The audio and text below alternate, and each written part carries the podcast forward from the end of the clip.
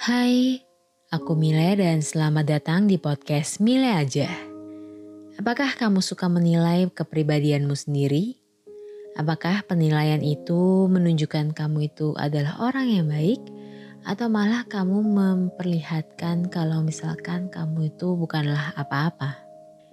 Di episode kali ini, aku ingin menceritakan tentang anggapanku tentang diriku yang aku anggap tidak bisa melakukan apa-apa dan aku selalu merasa diriku itu payah.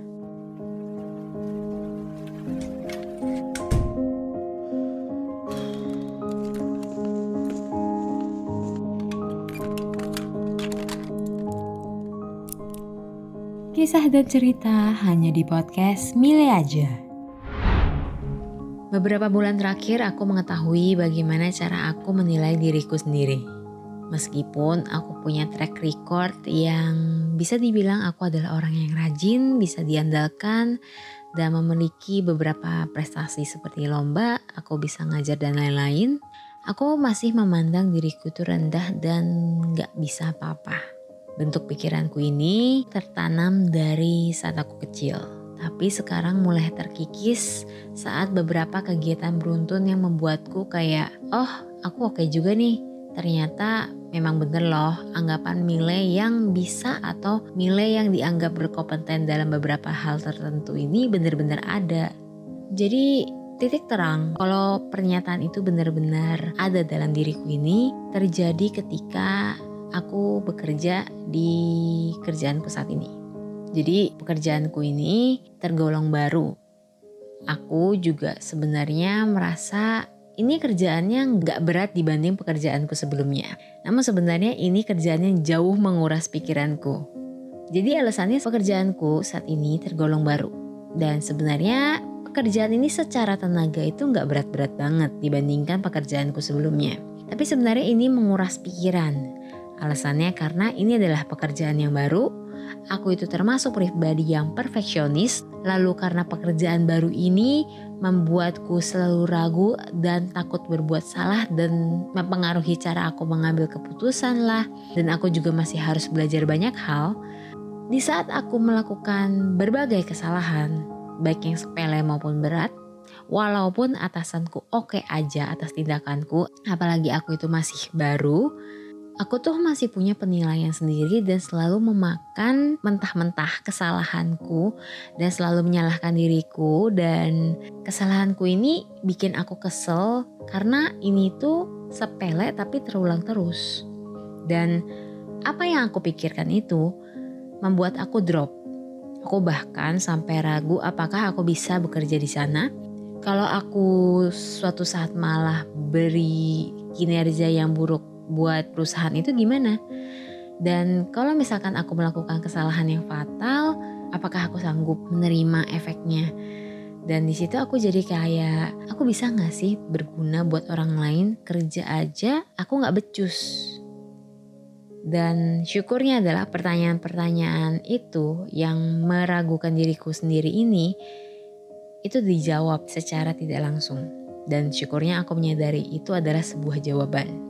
Jadi belum lama ini, beberapa bulan setelah aku bekerja, ternyata hasil yang aku kerjakan ini menghasilkan hal yang positif dan atasanku itu puji aku dengan bilang dua kata doang, good job.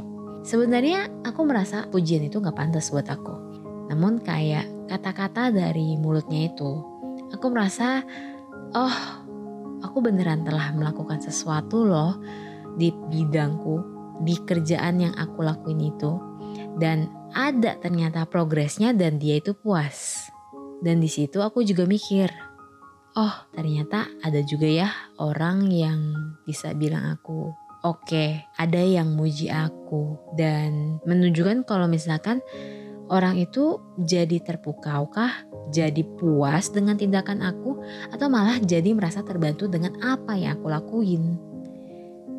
Terus beberapa saat setelah aku mendapatkan pujian itu, aku mulai mikir lagi. Aku tarik mundur dan ingat-ingat lagi kalau sebenarnya ada loh kejadian serupa tentang pujian-pujian atau kata-kata indah lah menurutku di bidang yang berbeda-beda yang telah aku lakukan.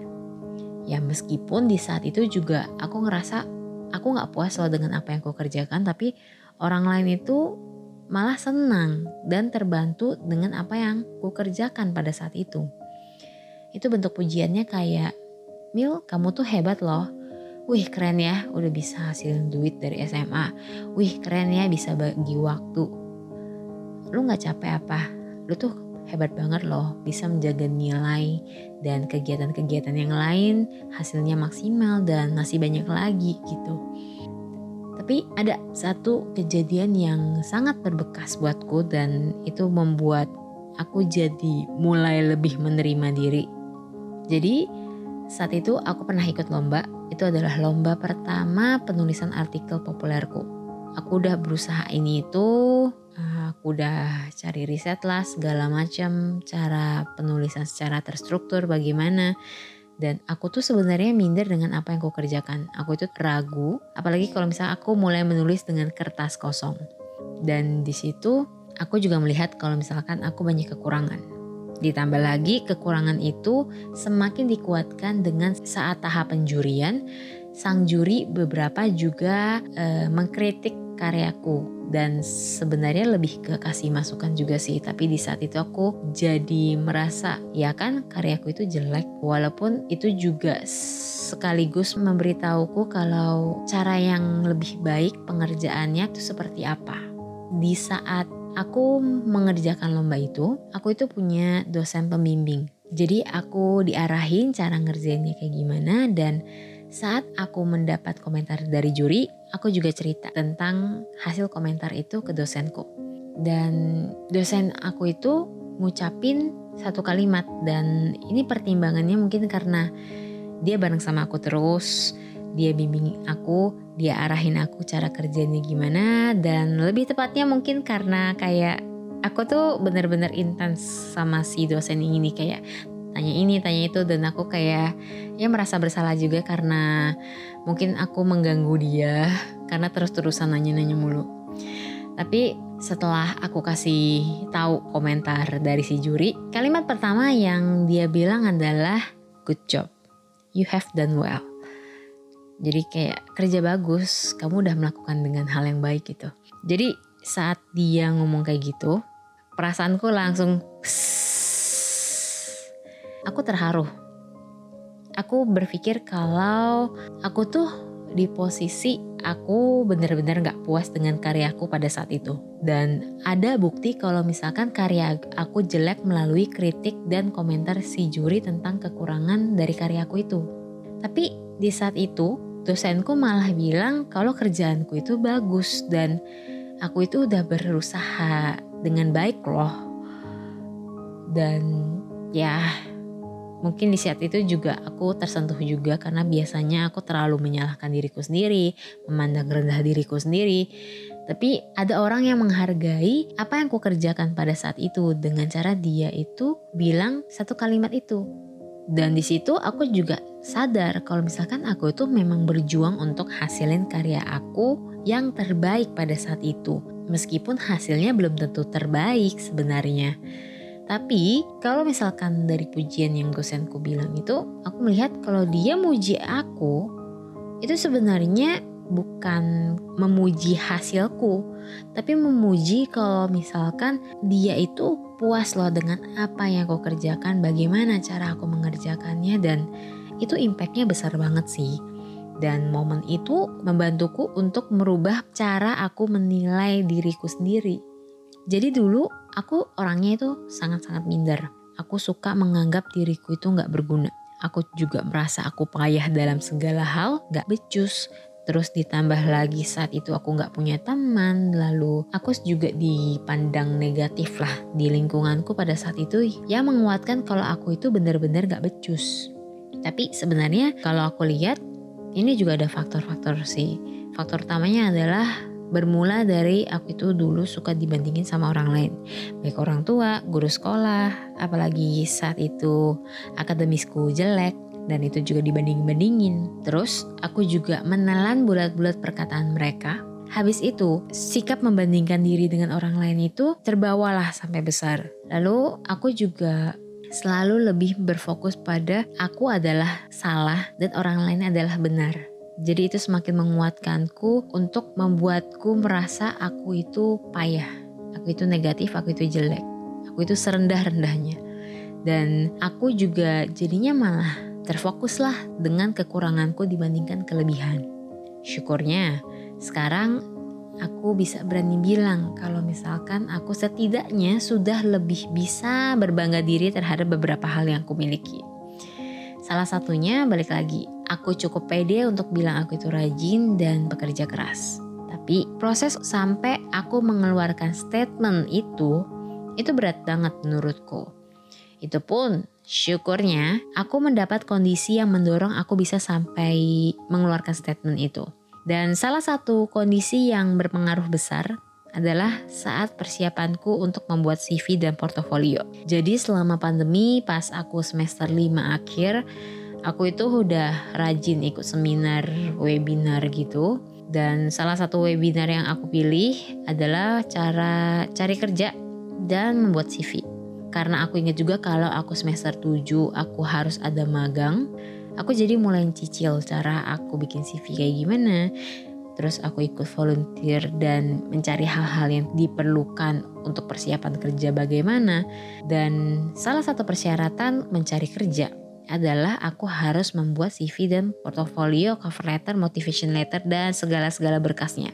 Nah, aku itu udah bisa udah tau lah cara teknisnya gimana cara buat CV, portofolio dan lain-lain. Tapi aku punya struggle, yaitu aku itu bingung kelebihanku itu apa, prestasiku apa, dan apa aja sih yang udah aku lakuin selama ini.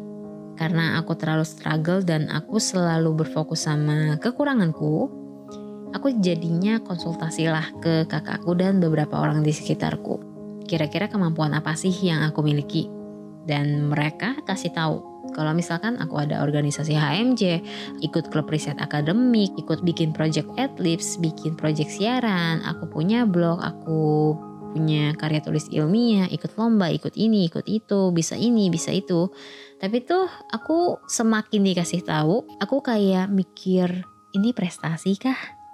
Apakah ini masuk?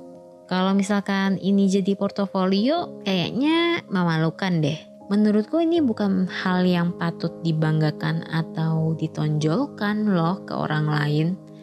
Dan semakin banyak pertanyaan yang muncul dalam diriku lalu aku lontarkan kepada orang yang kutanya dan ya mereka bilang aku aneh. Kenapa aku mempertanyakan itu? Dan malah beberapa teman aku jadi kesal karena kayak mereka melihat diri mereka aja yang mereka merasa biasa aja mereka bisa loh bikin CV dan menunjukkan kelebihan mereka. Sedangkan aku yang mereka lihat lebih banyak potensi ini itu, mereka malah bingung kenapa aku bingung. Dan beberapa dari mereka malah ada loh yang mempertanyakan apakah aku serius beneran bingung atau aku malah mencoba merendah untuk meroket gitu. Tapi aku maklumin sih, karena gak semua orang tahu kondisiku dan track record aku yang jadinya selalu merasa nggak yakin tentang apa yang aku lakuin. Apalagi aku suka merasa aku lebih banyak sisi negatifnya dan nggak punya hal yang positif gitu. Aku pribadi pun saat aku buat LinkedIn, jadi tuh dulu aku disaranin kakakku dan kakak tingkatku untuk bikin LinkedIn. Dan untuk bikin LinkedIn, LinkedIn itu sebenarnya bisa dipakai buat cari kerja.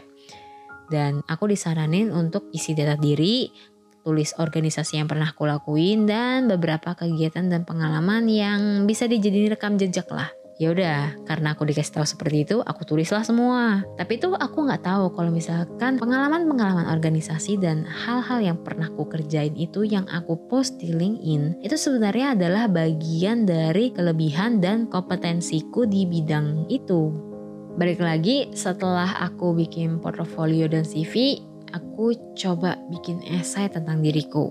Ya sebenarnya lebih ke tulisan kayak gimana sih aku bisa mempromosikan diriku biar layak bekerja di suatu tempat dan habis itu aku mulai ngejabarin hal-hal yang dianggap itu bisa jadi kelebihanku. Terus ternyata aku juga sadar kalau kayak demi menghindari hal-hal negatif ini, untuk menghindari kesalahan yang kubuat dari hal-hal yang negatif ini, aku secara nggak sadar aku cari alternatif biar hal buruk itu sisi jelekku ini gak menimbulkan masalah. Kayak sebenarnya aku itu termasuk orang yang panikan. Dan kalau misalkan aku panik, aku bakal kelabakan dan akhirnya aku berbuat salah ini dan impact ke ini itu ini itulah. Tapi karena aku udah tahu kalau misalkan aku itu panik dan akan memicu berbagai masalah, aku itu berusaha aku nggak boleh panik. Dan cara biar aku nggak panik, sejauh ini aku udah bisa menemukannya.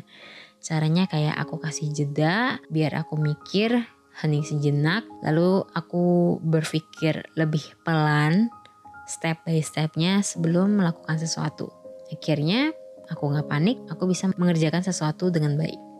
Atau contoh lainnya, aku emosional banget. Aku bisa mudah marah, mudah sedih, mudah tertawa tentu. Dan karena perasaanku itu aku rasa itu sangat tidak stabil. Itu ganggu banget sih sama cara aku pengambilan keputusan.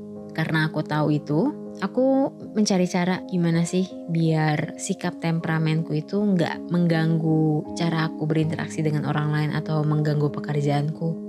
Dan kini aku bisa menjaga perasaanku biar lebih nggak berlarut-larut, lebih stabil dan bisa mengontrol emosiku. Dan malah aku jadinya bisa bangga loh kalau misalkan hal yang aku rasa ini adalah kekuranganku malah menjadi sisi positif dalam diriku sendiri. Jujur, Eh, setelah aku mengalami momen-momen itu, aku kembali untuk mengenal diriku sendiri. Bagaimana cara aku menilai diriku sendiri dan gimana cara aku melihat sisi negatif dan positif dalam diriku. Terus bagaimana sikap-sikapku mempengaruhi cara aku bertindak dan ternyata dari situ pun juga aku sadar kalau misalkan dulu yang aku merasa aku itu payah dan gak berguna aku itu nggak seburuk itu. Aku itu ternyata terlalu memandang rendah diriku padahal aku itu masih ada value-value yang sebenarnya ini bisa loh untuk dibanggakan, ini bisa loh untuk ditonjolkan dan ini adalah bagian dari diriku sendiri yang harus kusyukuri dan diterima aja gitu. Demikian podcast Milai aja kali ini. Aku harap kamu bisa menilai dirimu lebih baik ya, dan jangan lupa untuk berhenti untuk memandang rendah diri sendiri. Aku Mile, dan sampai jumpa di episode selanjutnya.